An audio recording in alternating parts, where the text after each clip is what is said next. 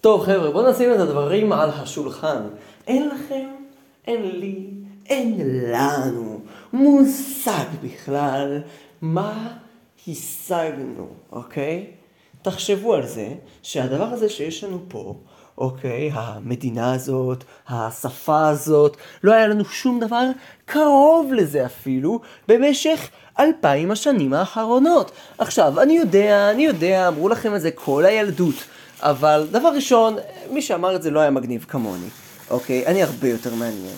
דבר שני, זה, זה, אה, גם אמרו לכם את זה מהזוויות שאני לא דווקא מעוניין לדבר עליהן. אני רוצה להדגיש את זה, יופי, תעודת הזהות שלי כאן.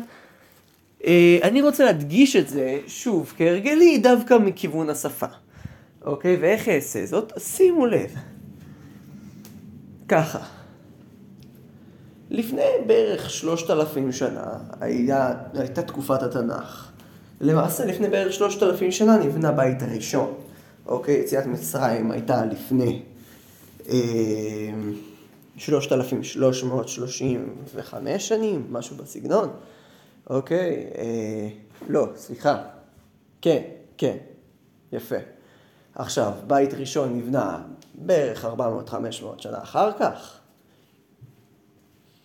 כבר אה, בתוך תקופת בית ראשון אפשר לראות ש, שהלשון אה, התחילה להתפצל. היה פילוג ברמה כזו או אחרת אה, בין אה, הלשון הצפונית אוקיי? יש לנו שומרון, יש לנו גליל, יש לנו אה, בעצם שתי ממלכות שונות, ממלכת יהודה וממלכת ישראל, וביניהן הלשון עשויה להיות שונה, אוקיי? אה, יפה. יפה. יפה. ההבדלים הללו הם לא ממש מובהקים וגם כנראה לא כל כך מוכחים אה, בהתחלה, סבבה? אה, העברית המקראית הייתה מאוד שולטת בהתחלה, אה, אפילו נראה שגם המואבית היא פחות או יותר עברית מקראית, צר לי לומר, אני עדיין לא מצאתי את ההבדל המיוחל. תפתחו מצבת משה. מצבת משה זה באמת, זה אחלה של, אחלה של ממצא, תפתחו אותו, הוא ממש נחמד. הוא כתוב פחות או יותר על טהרת העברית, לא יודע אם על טהרת, אבל הוא כתוב בעברית די יפה. אני לא בטוח שהוא אמור להיות כתוב בשפה שנקראת עברית די יפה. אה, בוויקיפדיה קוראים לזה מואבית, אבל שוב, תקראו ותגידו לי, אחרי שאתם קוראים כמובן את הגרסה המנוקדת, כי אה, הניקוד זה לא איך שכנראה הגו את זה אז, אבל זה לא רלוונטי כל כך, בערך. אה, אולי באמת ההגייה הייתה ההבדל הגדול, ולכן אני לא רואה את השוני בין השפות כל כך, אבל בסדר. אז יש לנו באמת את, אה, את בית ראשון, שבמהלכו השפה השתכללה, התפתחה, הייתה יפהפייה, אוקיי? יפהפייה. הרי שיש לנו את כל התורה כקאנון, אוקיי? יש לנו את שירת האזינו ואת שירת הים. יש לנו אה, את שירת דוד מאחורינו כבר.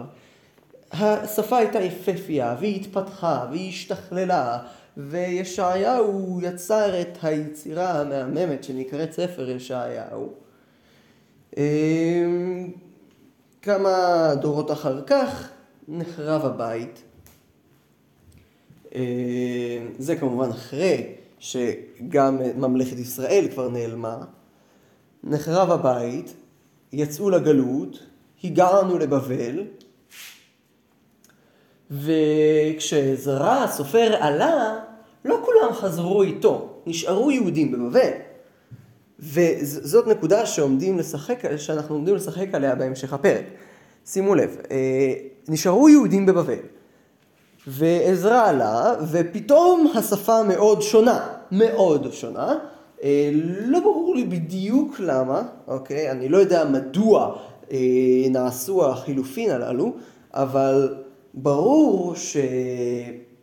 שהשפה השתנתה, אוקיי? אתם משווים את הלשון, אה, הספרים המאוחרים, כגון מגילת אסתר ודברי הימים עזרא ונחמיה, אפילו לא כולל החלקים בארמית, אוקיי? שהיא שונה מאוד מהספרים המוקדמים. מהתורה בוודאי, מיהושע השופטים, מלכים, היא פשוט נראית אחרת. אמ, יפה. אז הלשון הזו, רואים בה ניצנים של מה שאחר כך מוגדר כלשון המשנה, לשון חכמים. לשון חכמים היא ה... אה, העברית המתחרה, לא רק כי יש בה ארמית ויוונית, כי העברית היא מתחרה, אוקיי? יש בה עברית שונה. הם תמיד משתמשים במילים אחרות מאשר המילים שנפוצות במקרא דווקא. אמ, כלומר, יש כמובן מילים שנפוצות במקרא ונפוצות במשנה, אבל לפעמים אה, יש שתי מילים במקרא, אוקיי? מילים נרדפות, והחכמים לוקחים אחת מהן, ולא תמיד זאת האחת הנפוצה מבין השתיים.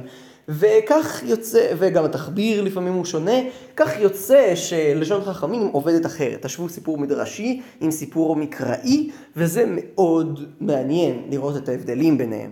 אבא בן דוד עשה אה, מזה ספר שלם מאוד מוצלח בשם לשון, לשון מקרא ולשון חכמים, הוא משתדל להיות אה, קצת פחות מחקרי ולדבר לעניין, שזה מאוד נחמד מצידו. הדבר הבא שקורה זה חורבן בית שני כמובן, אבל במהלך בית שני, אז הספרות משתדלת לחקות את הלשון המקראית, כי היא הלשון הספרותית, אוקיי? הספרות המשנאית, הסיבה שהמשנה נראית כך, היא כי היא לא ספרותית. היא בעצם, המטרה שלה היא לשמר מסורת בעל פה. אוקיי? המסורת העל-פאית הזו נאמרה בלשון חכמים, אוקיי? ובהמשך אנחנו רואים שהיא בכלל עברה לארמית. אוקיי? המסורת בעל פה הפכה לשפת הדיבור. בעוד המשך אנחנו נראה שהיא גם הופכת ליידיש. סבבה? התורה שבעל פה נשארה בעל פה על הפה, אוקיי? באופן חד משמעי, חד וחלק. והיא לא נאמרה בעברית במשך כל התקופה הזאת, פחות או יותר. אה, אבל כבר בימי בית שני, עוד היו יהודים בבבל והיו יהודים במצרים, יש את פילון האלכסנדרוני, אוקיי? שהוא דיבר בעברית במבטא יווני לחלוטין, אוקיי? ואז המבטא היווני לא היה נשמע ישראלי כמו שלנו, אוקיי? זה לא כשאתם נוסעים בקפריסין, אוקיי? קרוב לחוף ואתם קולטים בטעות שידור, שידורי רדיו מישראל ואתם משוכנעים שזה שיר ביוונית אבל זה בעצם עומר אדם. זה לא זה, אוקיי? זה ממש היה מבטא שונה. אפשר לראות את זה בתרגום השבעים, שהם מתרגמים שמות, אוקיי, לאותיות, זה פשוט יוצא אחרת. אוקיי, אפשר לראות את זה בעיקר בהקספלה, אוקיי, שזה היה חיבור שכתב נזיר יווני, אה, נזיר, נזיר נוצרי כלשהו, אני מניח יווני, אה, פשוט כי הוא כתב ביוונית, הוא תיעתק את התנ"ך כולו ליוונית. אוקיי, תיעתק מילה מילה, בראשית, בורא, ככה, אוקיי? ואפשר לראות שם שבאמת זה נראה שונה מאיך שאנחנו מכירים את, ה... זה, את העברית. עכשיו, מה הנקודה?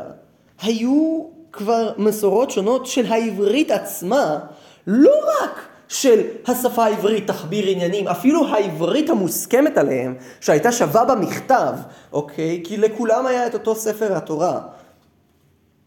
אפילו שם היו הבדלים עצומים בהגייה, אוקיי? לא יודע אם עצומים, אבל היו הבדלים משמעותיים בהגייה. ההגייה התימנית המוכרת לנו שמרה על טהרת ההגייה הבבלית מבבל, תימן, היו מקושרים יחסית אה, למרכז התורה שהיה בבבל, וכשהוא נפל, נפל, שקע לענייננו, הוא לא נפל. התימנים שמרו את, ה, את ההגייה הזו. והמסורת הספרדית שמדוברת בפינו, היא המסורת הארץ ישראלית והמסורת הדבריאנית כנראה נכחדה. אוקיי? חבל, כי ככה אנחנו מנקדים היום. אז פעם, ויש כמובן את המסורת היוונית של כל מה שנשאר ממנו זה ההקספלה. אז כל מה שיש לנו היום, אוקיי, בפינו, זה שאנחנו מדברים בעברית יחסית אחידה, זה מרשים ברמות. תנו לעצמכם שפחה על הגב. אתם יודעים כמה זמן לא היה לנו כזה דבר? שאנחנו מדברים במסורת ארץ ישראלית בארץ ישראל? איזה מגניבים אנחנו! חבר'ה,